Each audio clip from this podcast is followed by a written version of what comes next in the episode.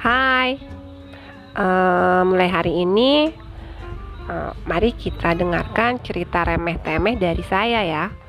Remeh-temeh soal segala hal. Eh, nggak uh, usah kecewa kalau ternyata nggak seru. Namanya juga remeh-temeh. Oke? Okay?